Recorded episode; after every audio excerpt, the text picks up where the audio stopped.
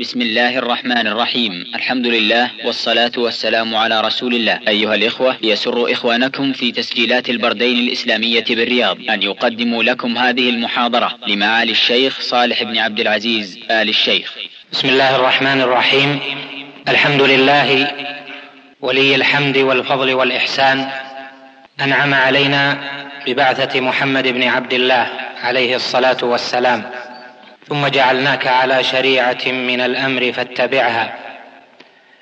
وأنعم علينا بأن جعل هذا الدين خاتما للأديان. فرضيه جل وعلا لنا دينا وأمرنا بتصديق أخباره جل وعلا والالتزام بأمره ونهيه. وتمت كلمة ربك صدقا وعدلا. صدقا في الأخبار وعدلا في الأمر والنهي فلن يزيغ عنها إلا هالك.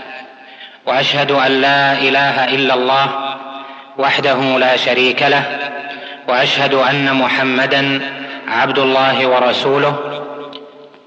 نشهد أنه بلغ الرسالة وأدى الأمانة ونصح الأمة وجاهد في الله حق الجهاد وتركنا على بيضاء نقية ليلها كنهارها لا يزيغ عنها بعده صلى الله عليه وسلم إلا هالك. اللهم صل على عبدك ورسولك محمد كلما ذكره الذاكرون وغفل عن الصلاة عليه الغافلون. وعلى الآل والصحب أجمعين ومن تبعهم بإحسان إلى يوم الدين. أما بعد فأسأل الله جل وعلا لي ولكم أن نكون ممن إذا أذنب استغفر وإذا أعطي شكر وإذا ابتلي صبر. وهذه الثلاث عنوان السعادة. ثم إن هذه المحاضرة موضوعها مهم ويحتاجه الناس في كل وقت وفي كل حال. عنوانها التلازم بين العقيدة والشريعة. يعني أن الاعتقاد والعمل بينهما تلازم لا ينفك أحدهما عن الآخر فلا عقيدة صحيحة عمل كما أنه لا عمل يقبل إلا بعقيدة صحيحة. من عمل صالحا من ذكر أو أنثى هو مؤمن فلنحيينه حياة طيبة. وثبت عنه عليه الصلاة والسلام أنه قال إنما الأعمال بالنيات وإنما لامرئ ما نوى. وهذا التلازم بين العقيدة والشريعة ظاهر في عقد الإيمان وفي أصل الديانة لأن الشهادتين لأن, لا لأن الشهادتين شهادة أن لا إله إلا الله وأن محمدا رسول الله كل منهما التلازم بين الاعتقاد والعمل بين العقيدة الصحيحة وبين شرائع الإسلام. وكذلك فيما بين الشهادة الأولى والشهادة الثانية تلازم بين الاعتقاد والعمل والشريعة. شهادة أن لا إله إلا الله معناها حق إلا الله جل وعلا. وهذا النفي لأحقية معبود للعبادة الا الله جل وعلا. يقتضي أن هناك عبادة والعبادة لا تصح إلا بعقيده بإخلاص وبتوحيد والعبادات مختلفة. فإذا دلتنا كلمة التوحيد على الارتباط العظيم ما بين العقيدة والدين والتوحيد وما بين الشرائع والعبادات. وكذلك شهادة أن محمدا رسول الله التي معناها أنك تقر وتوقن وتعلم وتخبر بأن محمد بن عبد الله الهاشمي صلى الله عليه وسلم هو رسول الله وخاتم الأنبياء وخاتم المرسلين ومقتضاها تصديقه عليه الصلاة والسلام فيما أخبر وطاعته فيما أمر واجتناب ما عنه نهى وزجر وأن لا يعبد الله إلا بما شرع عليه الصلاة والسلام. فقولنا في مقتضاها تصديقه عليه الصلاة والسلام فيما أخبر هذا متصل بالاعتقاد فكل ما أخبر الله فكل ما أخبر الله جل وعلا به فواجب تصديقه لأن الله سبحانه هو أصدق القائلين ومن أصدق من الله قيلا. ولا أحد يخبر عن الله جل وعلا وعن خلقه بأصدق من الله سبحانه وتعالى. كذلك نبيه عليه الصلاة والسلام يخبر بوحي من الحق جل وعلا فلهذا كان كل الأمور الغيبية ما يتصل بالله جل وعلا وصفاته وأسمائه وأفعاله جل وعلا وأمور الجنة والنار والقدر والغيبيات كلها راجعة إلى أن نصدق هذه الأخبار. وهذا هو الاعتقاد والإيمان الباطن واتباع أمره عليه الصلاة والسلام واجتناب نهيه هذا هو الشريعة. طاعته فيما أمر واجتناب ما عنه نهى وزجر والا يعبد الله إلا بما شرع يعني في طاعة الأمر بامتثال العبادات والإتيان بها تكون على وفق السنة. فلهذا دلت شهادة دلت شهادة أن محمد رسول الله على أنه لا انفكاك بين الاعتقاد وبين العمل لا انفكاك بين الاعتقاد واتباع شريعة الإسلام لأن النبي عليه الصلاة والسلام جاء بهذا وهذا جاء بالعقيدة وجاء بالشريعة. إذا تبين ذلك فأصل لفظ العقيدة والشريعة مما جاء أصل لفظ العقيدة والشريعة مما جاء مطلقا ويكون أيضا مقيدا بمعنى. وإيضاح ذلك أن الشريعة تطلق ويراد بها العقيدة ويراد بها الأعمال أيضا مع الاعتقاد. فإن دين الإسلام شريعة كما قال جل وعلا ثم جعلناك على شريعة من الأمر فاتبعها وقال جل وعلا شرع لكم من الدين ما وصى به نوحا والذي أوحينا إليك وقال سبحانه أيضا في السورة نفسها سورة الشورى أم لهم شركاء شرعوا لهم من الدين ما لم يأذن به الله ولولا كلمة الفصل لقضي بينهم الآية. ففي هذه الآيات ما يبين أن الشريعة هي دين الإسلام كله.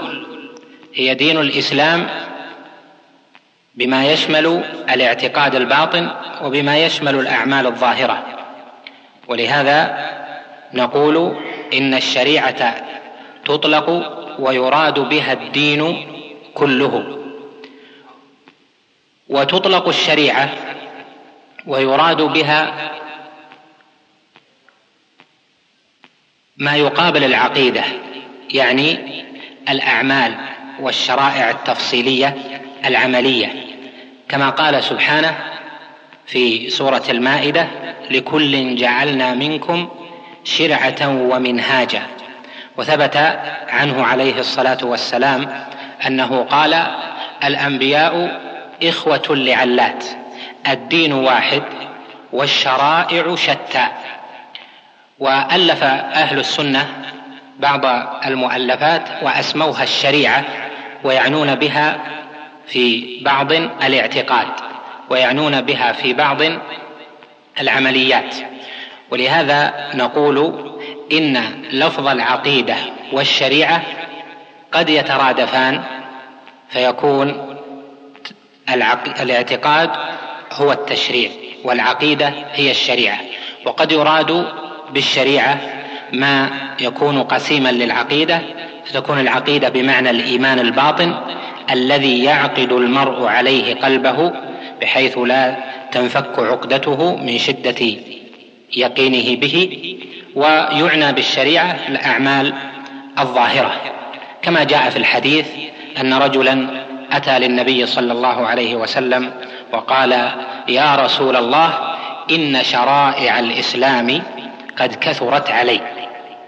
الحديث يعني إن التفصيلات أو الأوامر والاوامر كثرت علي فأخبرني إلى آخر الحديث الذي في ذكر الصلاة والصيام والزكاة والحج إلى آخره.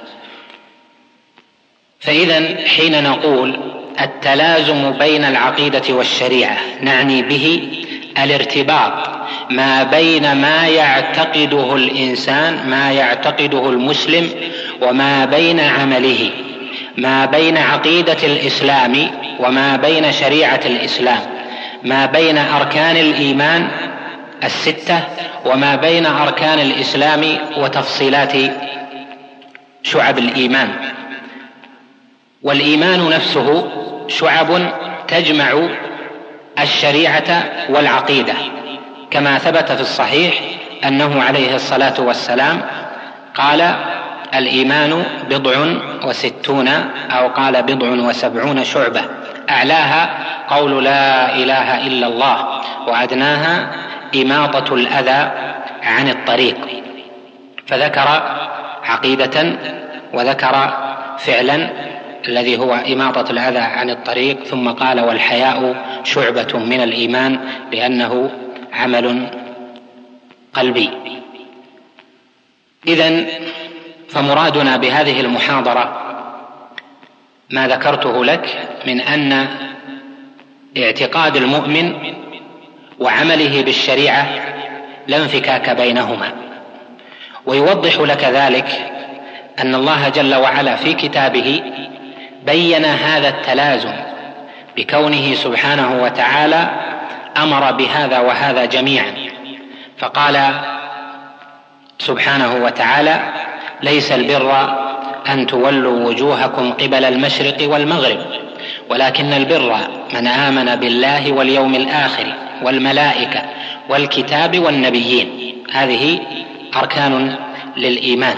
فذكر البر بذكر العقيدة ثم قال وآتى المال على حبه ذوي القربى واليتامى والمساكين الآية إلى أن قال واقام الصلاة واتى الزكاة والموفون بعهدهم إذا عاهدوا. فجمع في البر ما بين الاعتقاد وما بين العمل. وكذلك في قوله جل وعلا ومن أحسن دينا ممن أسلم وجهه لله وهو محسن.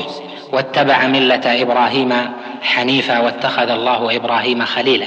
ومن أحسن دينا ممن أسلم وجهه لله.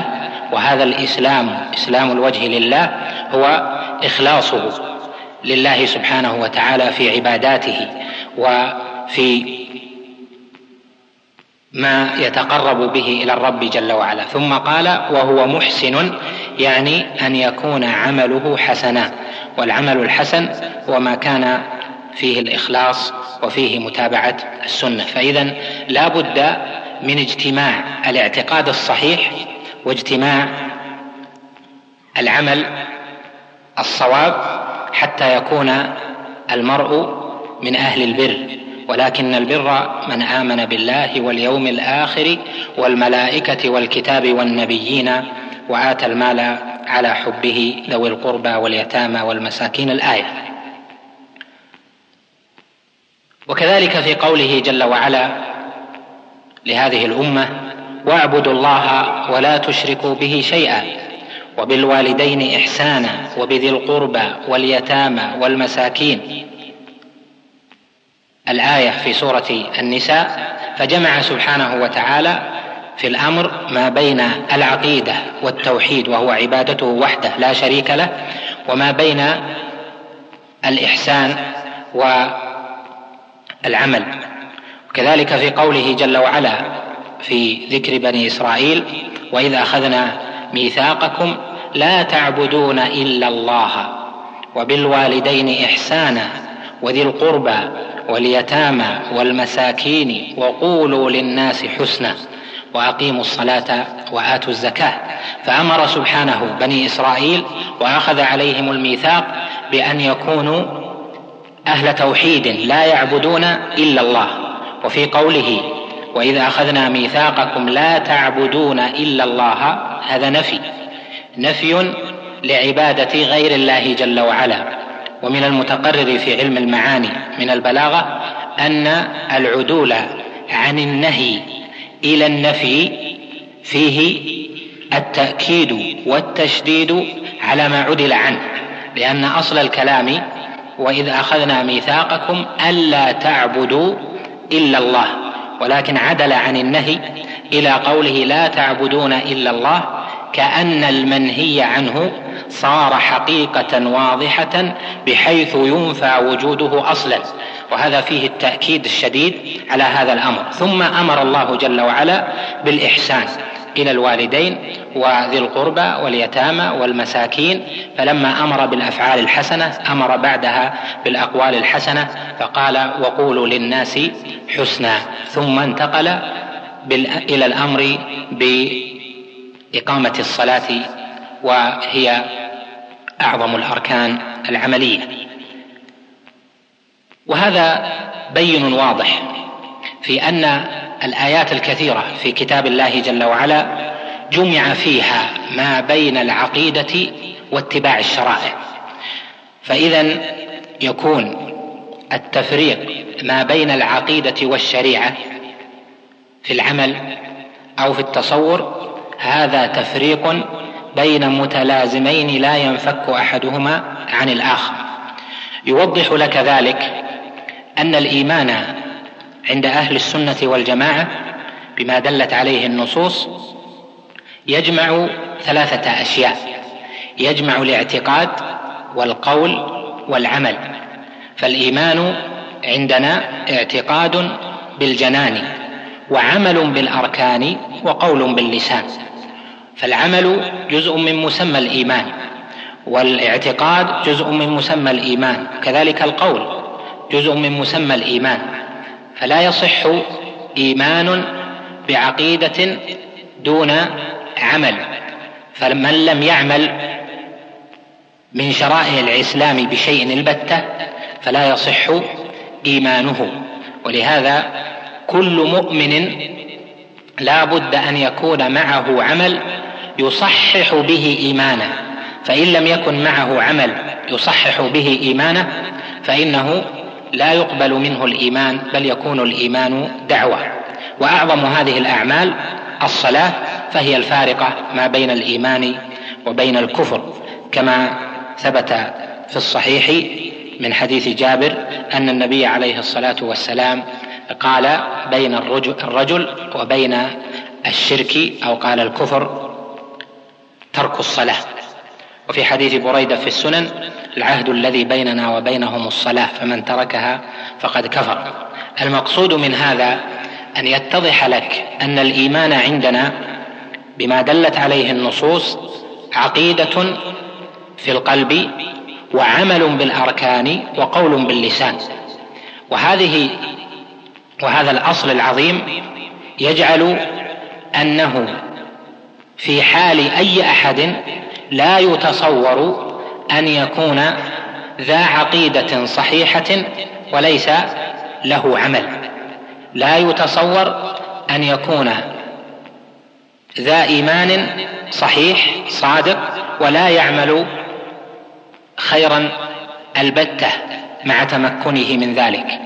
ولهذا ضل ضلت المرجئة وفئام في من هذه الأمة حيث قالوا إن الاعتقاد يكفي في الإيمان أو إن الاعتقاد مع القول يكفي على اختلاف أقوال المرجئة في ذلك. فالعمل من الإيمان. والله جل وعلا حين قال إن الذين آمنوا وعملوا الصالحات وقال والعصر إن الإنسان لفي خسر إلا الذين آمنوا وعملوا الصالحات. العطف هذا عطف خاص على عام لأن الإيمان عام يشمل العمل وزيادة والعقيدة والقول. فعطف العمل على الإيمان لما؟ لينبه أن العمل مهم في الإيمان لأن عطف الخاص على العام موجود في القرآن في مواضع ومعروف في اللغة ويفيد في البلاغة الاهتمام بهذا الخاص الذي أفرد بالذكر وعطف على العام.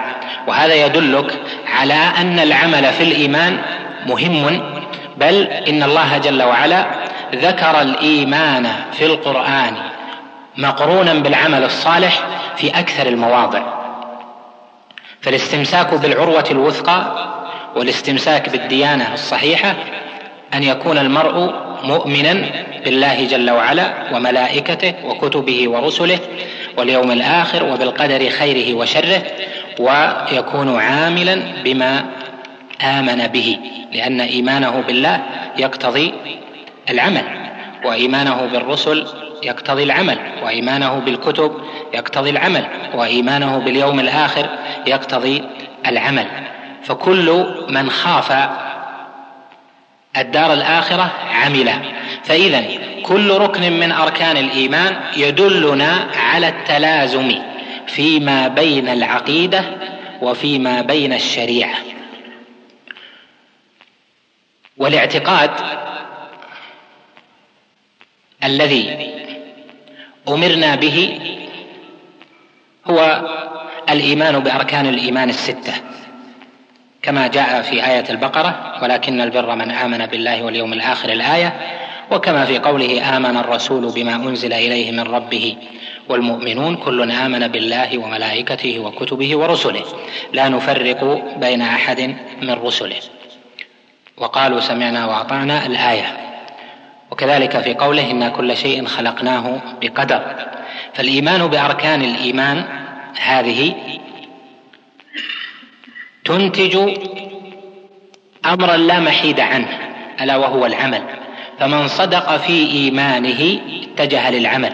لأن هذه الأركان تجعل في القلب عقيدة في الله جل وعلا تلزمه بالتقرب إلى الله جل وعلا. وكلما قوي إيمانه قوي تقربه إلى الله جل وعلا. وكلما عظم الإيمان في القلب عظم إتيانه لشرائع الإسلام. وإتيانه للواجبات وللمستحبات. ومن قصر في شيء من الواجبات فإنه ينقص من إيمانه بقدر ذلك. كما أن من ارتكب بعض المنهيات نقص من إيمانه بقدر ذلك. العقيدة أيضا مرتبطة بالشريعة مرتبطة بالعمل بالشريعة من جهة أن العقيدة منشأه أن العمل منشأه العقيدة. وأن العقيدة تزيد بالعمل وتنقص بالعمل فالاعتقاد أهله ليسوا في أصله سواء وإنما يختلفون فيه بقدر ما في قلوبهم من اليقين الذي يزيد بالطاعة وينقص بالمعصية. ولهذا كان من عقيدة أهل السنة والجماعة اتباع السلف الصالح بما دلتهم عليه النصوص من الكتاب والسنة الكثيرة المعروفة في مواضعها كان من اعتقادهم أن الإيمان يزيد بالطاعة وينقص بالمعصية. الإيمان بالله يزيد بالعمل وينقص بالعصيان أو بترك العمل الواجب. الإيمان باليوم الآخر يزيد بالعمل وينقص بترك العمل أو بترك العمل الواجب أو بالإتيان بشيء من المحرمات.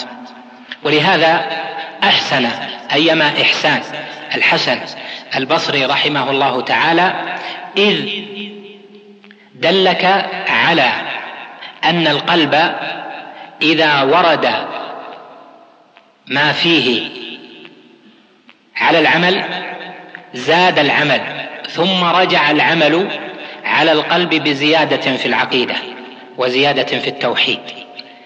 فالعقيدة تلزم صاحبها بالعمل الصالح وكلما قويت قوي العمل. وإذا أحسن عمله من أثر الاعتقاد الصحيح والتوحيد الصحيح فإنه يرجع ذلك العمل إلى العقيدة بقوتها وزيادتها. ولهذا قال الحسن كما أشرت كلمة عظيمة قال عاملنا القلوب بالتفكر. فأورثها التذكر. فرجعنا بالتذكر على التفكر. وحركنا القلوب بهما. فإذا القلوب لها أسماع وأبصار. عاملنا القلوب بالتفكر امتثالا لقوله جل وعلا ويتفكرون في خلق السماوات والأرض ربنا ما خلقت هذا باطلا سبحانك فقنا عذاب النار. عاملنا القلوب بالتفكر في آلاء الله في آياته في دلائل نبوة محمد صلى الله عليه وسلم في القرآن في المآل في الجنة في النار. عاملنا القلوب بالتفكر وتخلصنا من الغفلة فنتج من هذا التفكر التذكر لالتزام الشريعة تذكر للالتزام بالعمل تذكر للازدياد من الطاعة والبعد عن المعصية. فرجعنا بالتذكر هذا بالعمل الصالح على التفكر يعني على العقيدة وحركنا القلوب بهما. يعني لا تزال ما بين توحيد وإخلاص وعقيدة يؤول بك إلى العمل ثم ترجع بالعمل إلى العقيدة فتحرك القلب بهذا وهذا. قال الحسن وحركنا القلوب بهما فإذا القلوب لها أسماع وأبصار. وهذا من ثمرات الاعتقاد الصحيح أن يجعل العمل لازما لصاحب الاعتقاد. وهذا أمر بين واضح. ويدلك أيضا على أن العقيدة والشريعة متلازمة أن الله سبحانه وتعالى أمرنا بتوحيده وعدم الشرك به والبراءة من الشرك وأهله. وأمرنا بترك المحرمات في مواضع كثيرة من كتابه جل وعلا. كما قال سبحانه في آخر سورة الأنعام في الآية التي تسمى آية الوصايا العشر قل تعالوا أتل ما حرم ربكم عليكم ألا تشركوا به شيئا وبالوالدين إحسانا. الآية. بل الآيات. فاذا إذا صحت عقيدتك صح عملك. وإذا أردت أن يقبل عملك فعليك بمتابعة محمد عليه الصلاة والسلام. فإن الله ابتلى ابتلى الناس جميعا بمحمد عليه الصلاة والسلام. كما ثبت في الصحيح صحيح مسلم بن الحجاج رحمه الله من حديث عياض بن حمار أنه قال قال الله تعالى يا محمد إنما بعثتك لأبتليك وأبتلي بك. وهذا الابتلاء بمحمد عليه الصلاة والسلام ابتلاء لنا بما بعث به وقد بعث عليه الصلاة والسلام بعقيدة يعني بأخبار يجب علينا أن نؤمن بها وبأوامر ونواهي يجب علينا أن نمتثل بها. فحقيقه الابتلاء ابتلاء الناس بما أنزل الله جل وعلا في كتابه وما أنزله على رسوله صلى الله عليه وسلم من هل يصدقون بالأخبار أم لا يصدقون؟ هل يعتقدون الاعتقاد الصحيح في الله وملائكته وكتبه ورسله واليوم الآخر وبالقدر أم لا؟ وهل يمتثلون الأمر والنهي أم لا يمتثلون؟ وهذه هي زبدة الرسالة. العقيدة والشريعة. عقيدة باطنة يعقد عليها القلب. قوله واعتقاده وعمل هو نتيجة تلك العقيدة. مما يدلك أيضا على ذلك كما ذكرت أن الله سبحانه ابتلانا بحسن العمل. كما قال سبحانه الذي خلق الموت والحياة ليبلوكم أيكم أحسن عملا. وحفظتم تفسير حسن العمل بأن العمل الحسن هو الخالص الصواب. خالص من الشرك والرياء فلا يقصد به إلا وجه الله جل وعلا وخالص أيضا صوابا من متابعة المصطفى صلى الله عليه وسلم. خالص من متابعة غيره عليه الصلاة والسلام وصواب على السنة بمتابعة الخليل محمد بن عبد الله عليه الصلاة والسلام. فاذا المسألة واضحة في أن العقيدة والشريعة الاعتقاد والعمل هذان أمران متلازمان لا ينفك أحدهما عن الآخر. فإذا وجدت العقيدة العقيدة الصحيحة وجد العمل وإذا وجد العمل الصحيح وجدت العقيدة. فهذا وهذا أمران يدل أحدهما على الآخر.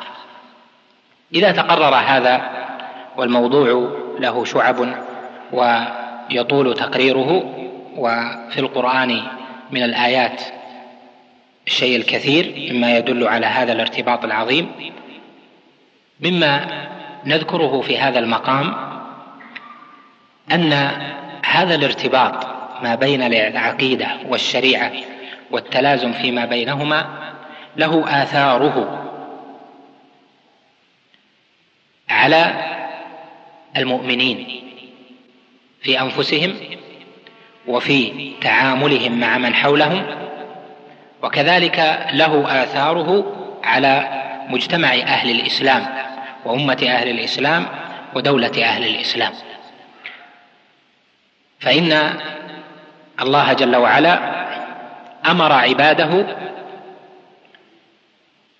إذا مكنهم في الأرض أن يعبدوه والا يشركوا به شيئا وأن يأمروا بالمعروف وينهوا عن المنكر وأن يقيموا الصلاة وأن يؤتوا الزكاة.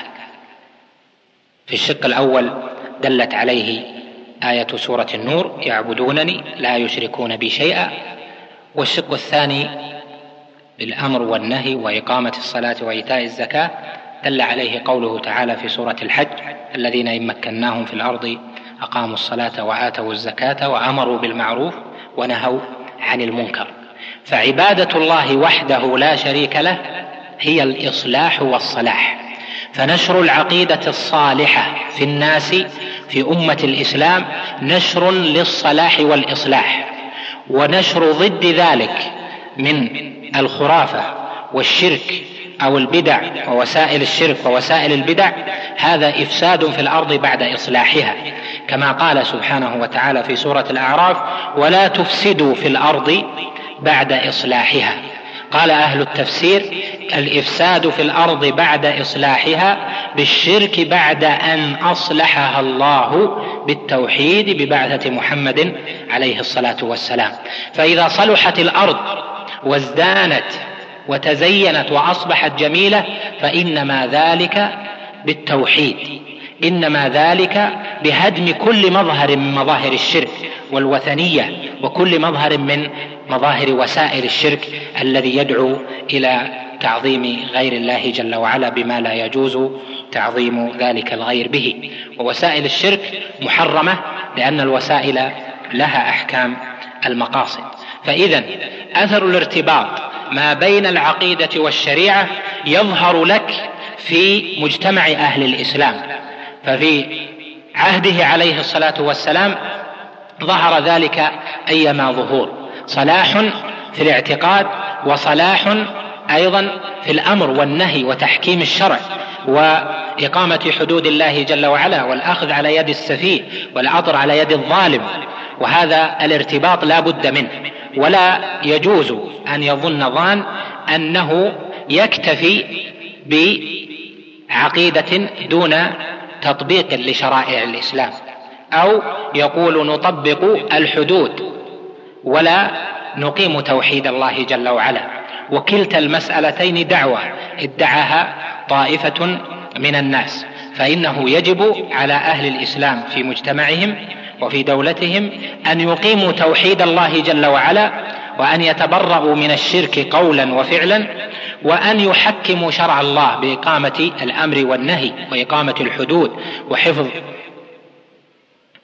الدين وحفظ العرض وحفظ المال وحفظ العقل إلى آخر حفظ الضروريات. وهذا تلازم لا بد منه فاجتماعهما إصلاح. والإخلال بهما إفساد وكلما ازداد أهل الإسلام تمسكا بالعقيدة والشريعة في أنفسهم وفي مجتمعهم زاد صلاحهم في أنفسهم وفي مجتمعاتهم. يظهر لك ذلك بآثار إقامة هذا التلازم وهذا الارتباط بين العقيدة والشريعة. فإن الله سبحانه وتعالى وعد الذين آمنوا ولم يلبسوا إيمانهم بظلم وعدهم بالأمن في الدنيا والأمن في الآخرة. كما قال سبحانه في آية الأنعام الذين آمنوا ولم يلبسوا إيمانهم بظلم أولئك لهم الأمن وهم مهتدون. لهم الأمن في الدنيا ولهم الأمن في الآخرة. وهذا الظلم الذي لم يلبسه أهل الإيمان ولم يتلبسوا به هو الشرك كما ثبت تفسير ذلك عن النبي عليه الصلاة والسلام في الصحيح. إذا تقرر لك ذلك فإن الله سبحانه وتعالى يحب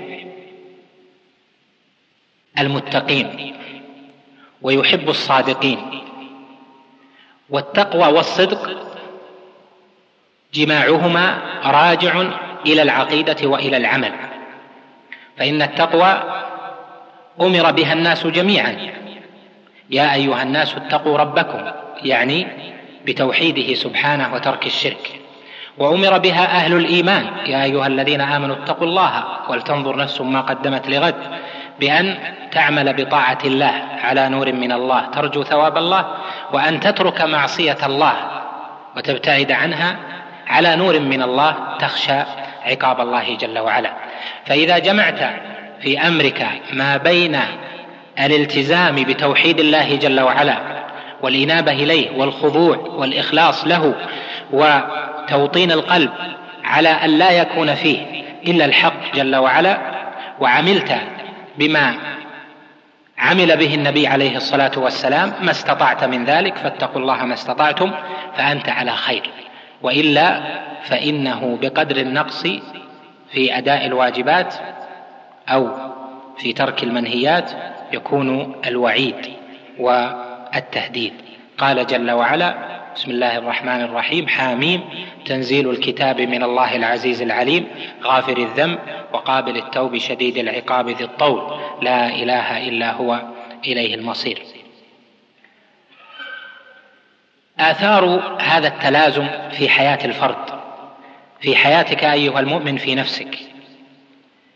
العقيدة الصحيحة من ثمراتها العظيمة أن الله جل وعلا يبارك لأهلها في عملهم وإن قل.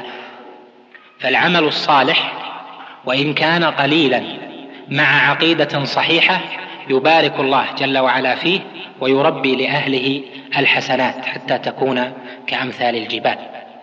ومن أحسن ما قيل في ذلك قول أبي الدرداء رضي الله عنه حكيم هذه الأمة إذ قال يا حبذا نوم الأكياس وإفطارهم كيف يغبنون سهر الحمقى وصومهم؟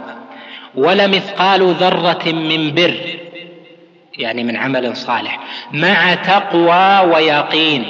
يعني مع عقيدة صحيحة. أعظم ولمثقال ذرة من بر. مع تقوى ويقين. أعظم وأكثر من أمثال الجبال عبادة من المغترين. رواه الإمام أحمد في الزهد وغيره بإسناد لا بأس به.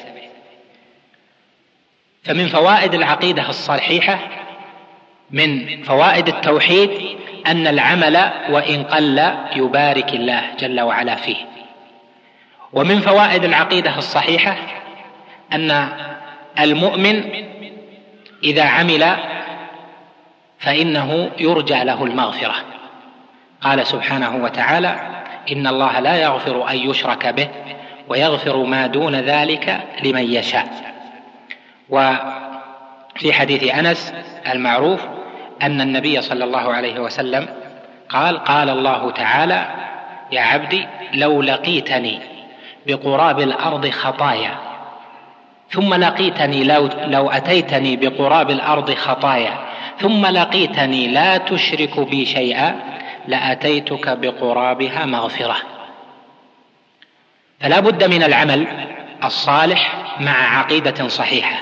فإن كان المرء مع ذلك يخلط عملا صالحا وآخر سيئا فإنه إن صح اعتقاده وصح عمله الصالح نتيجة لتلك العقيدة فإنه يرجى له أن تغفر خطيئته. وما أحسن ما ذكر عن الأحنف بن القي عن الأحنف بن قيس الحكيم المعروف حيث قيل له يا أحنف أين تجد نفسك؟ أمن أهل الجنة أم من أهل النار؟ فقال أمهلوني. ثم قال لهم بعد مدة عرضت نفسي على صفة أهل الجنة فإذا فيها قوله جل وعلا في سورة الذاريات إن المتقين في جنات وعيون آخذين ما آتاهم ربهم إنهم كانوا قبل ذلك محسنين. كانوا قليلا من الليل ما يهجعون وبالأسحار هم يستغفرون وفي أموالهم حق للسائل والمحروم وفي الأرض آيات للموقنين الآيات. فلم أجد نفسي بصفة أهل الجنة. ثم عرضت نفسي على صفة أهل النار فما وجدت نفسي ممن وصف الله جل وعلا في من أهل النار. ثم نظرت فإذا شأني أني خلقت عملا صالحا وآخر سيئا. عسى الله أن يعفو عني. وهذا إنما يكون لمن صح اعتقاده بان يكون دائما يرى نفسه مقصرا يرى نفسه مذنبا يرى نفسه ظالما.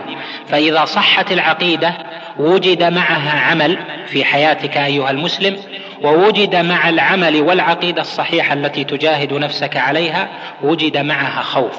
واستحضر دائما قول النبي عليه الصلاة والسلام لأبي بكر في تعليمه للدعاء في آخر الصلاة قل اللهم إني ظلمت نفسي ظلما كثيرا ولا يغفر الذنوب إلا أنت فاغفر لي. وهو أبو بكر رضي الله عنه قال له عليه الصلاة والسلام قل اللهم إني ظلمت نفسي ظلما كثيرا. فاذا إذا صحت العقيدة صحت العمل بالشريعة في حياتك وكنت مع ذلك على خوف من أن لا تكون ممن غفر الله لهم أو تقبل الله جل وعلا عملهم. من ثمرات الارتباط في حياتك ما بين العقيدة وما بين العمل والشريعة أن تسعى فيما تعمل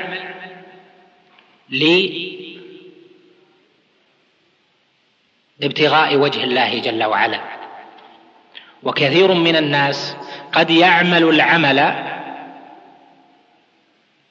ولا يجاهد نفسه في أن يكون عمله خالصا ابتغاء مرضات الله جل وعلا. والحظ قوله سبحانه وتعالى لا خير في كثير من نجواهم إلا من أمر بصدقة أو معروف أو إصلاح بين الناس. فأثبت الله جل وعلا أن في هذه الثلاث خير. ولكن هل يؤجر عليها؟ قال سبحانه وتعالى بعد ذلك ومن يفعل ذلك ابتغاء مرضات الله. ومن يفعل ذلك ابتغاء مرضات الله فسوف نؤتيه أجرا عظيما. اذا فالعمل إذا صح إذا صح عندك الاعتقاد وصح عندك العمل جاهدت نفسك في أنه في كل عمل تعمله تريد به ابتغاء وجه الله جل وعلا. وانظر إلى خاصة ابن مسعود الربيع بن خثيب رحمه الله تعالى إذ قال لأهله مرة وكان مبصرا وكان كانت بنت بن مسعود تسميه الأعمى لأنه ما طرق يوما باب ابن مسعود وهو فاتح عينيه خاشية أن يرى من بيت معلمه وشيخه ما لا يحب أن يراه. فكانت بنته تقول لابن مسعود جاء الأعمى من كثر من أنها لم تره إلا مغمضا عينيه. الربيع بن خثيم من سادات التابعين ومن صالحيهم.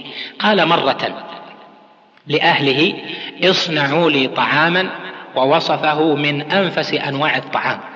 فصنعوا ذلك الطعام ظنا منهم أنه سيأكله فحمله معه رحمه الله تعالى إلى رجل في الكوفة أعمى لا يرى وأبكم وأصم لا يتكلم ولا يسمع ولا يرى فجلس بالربيع بجنبه وأخذ يطعمه الطعام ويأكل معه فقال له بعض تلامذته يا ربيع هذا أعمى وأبكم وأصم لا يدري هل أتيته أو لم تأته. فلو بعثت إليه وجلست تعلمنا. قال هو لا يرى ولا يسمع ولكن الله يسمع ويرى.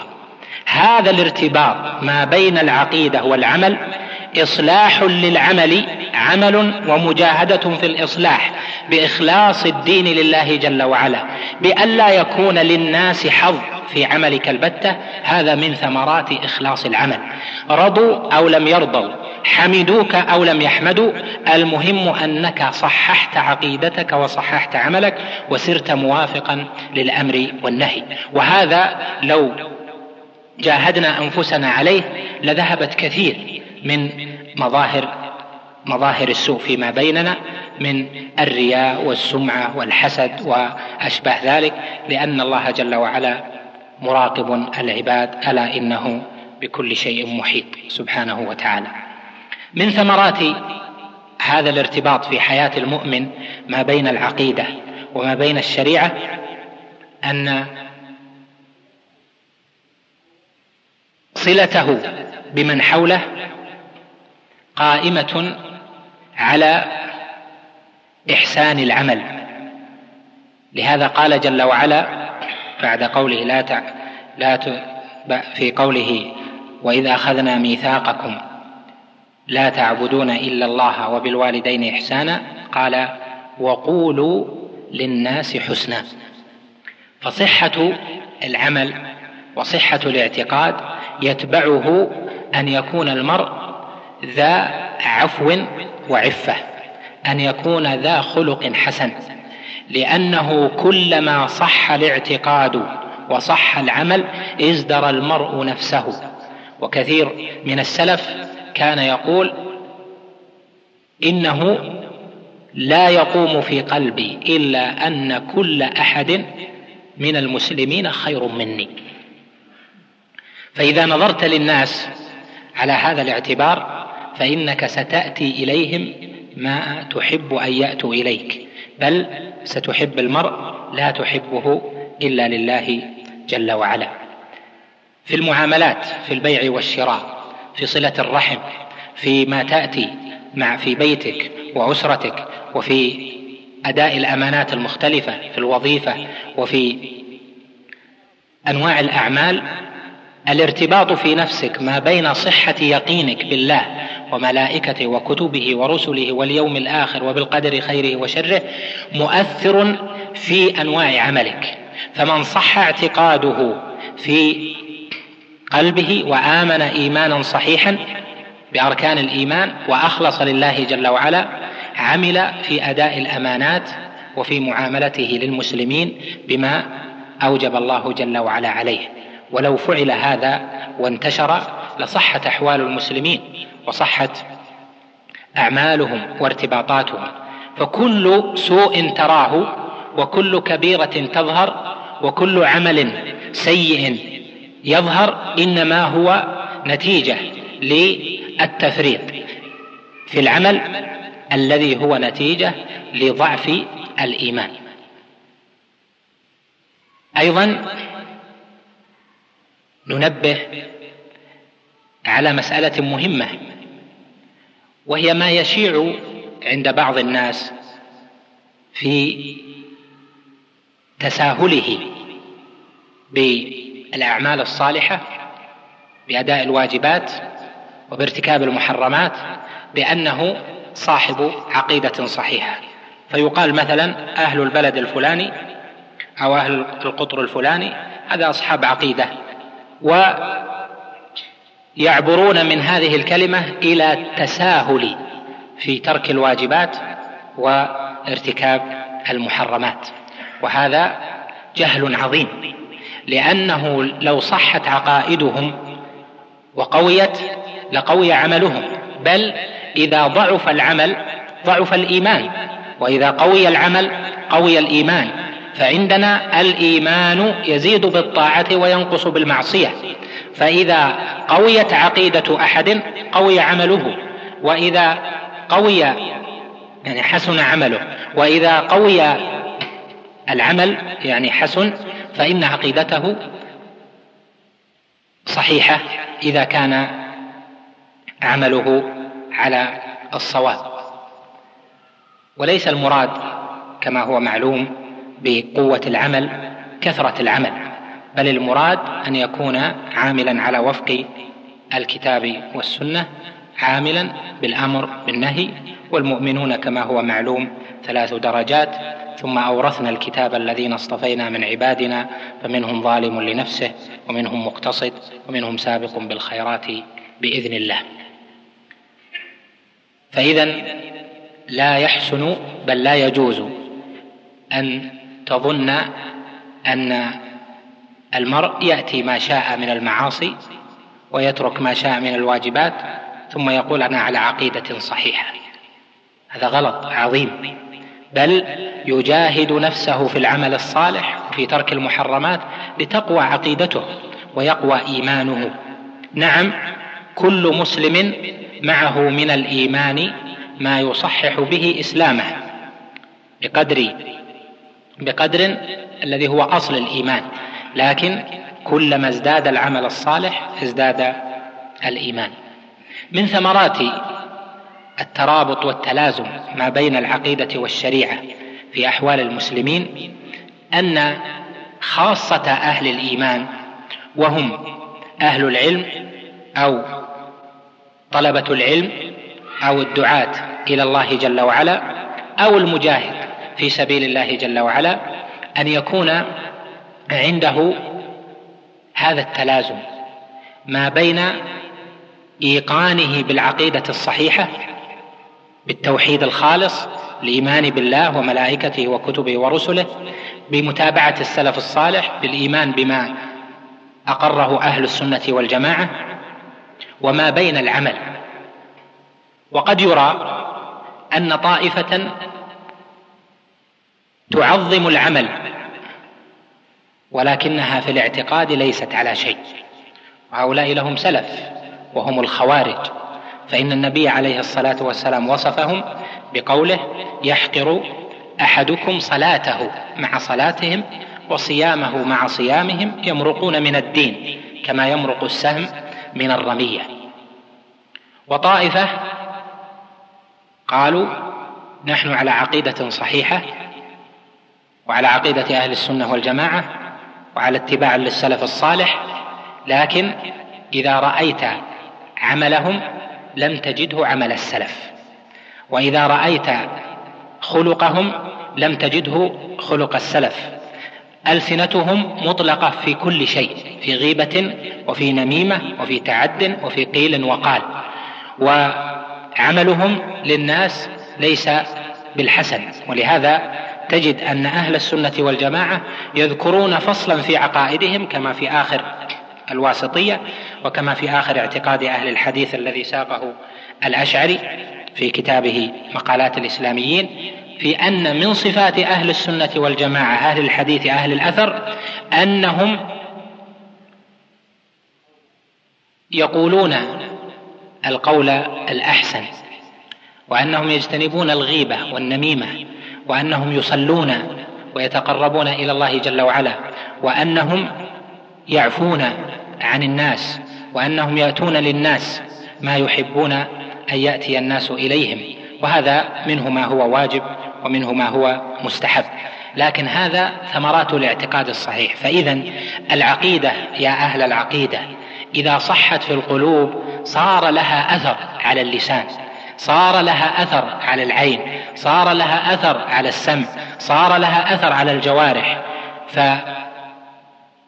فالدعوة بأنك صاحب عقيدة صحيحة وأنك متبع للسلف الصالح رضوان الله عليهم وأنك على طريقة أهل السنة والجماعة ومع ذلك لسانك وقع في كل محرم وعينك في كل شيء هذا لا شك أنه نقص في الاعتقاد. ولا يصح أن ينسب هؤلاء لطريقة أهل السنة والجماعة بإطلاق بل معهم من معتقد أهل السنة ومن طريقتهم بقدر ما حققوا وينقصون من ذلك بقدر ما نقصوا. في هذا الزمن ظهرت دعوة عظيمة ألا وهي أن الإيمان الذي هو اعتقاد باطن يكفي عن تطبيق الشريعة في المجتمعات. ويزعم هؤلاء أن الدين إنما هو الإيمان الباطن. وأما تحكيم الشريعة في المجتمعات فهذا راجع إلى نظر الناس. فإن رأوا فيه المصلحة فعلوه وإن لم يروا فيه المصلحة تركوه. ويرددون كثيرا هذا مؤمن بالله وهذا هؤلاء أهل الإيمان مع أنهم يدعون أو يدعون إلى فصل الشريعة عن الحياة وعن التطبيق. والله جل وعلا أمر نبيه بأن يحكم بين لم الناس تنتهي مادة الله. هذا الشريط بعد. نأمل متابعة ما تبقى على الشريط التالي. أيها الإخوة بموجب فهرس تسجيلات التقوى فإن رقم هذا الشريط هو أحد عشر ألفا وثمانمائة وأربعة.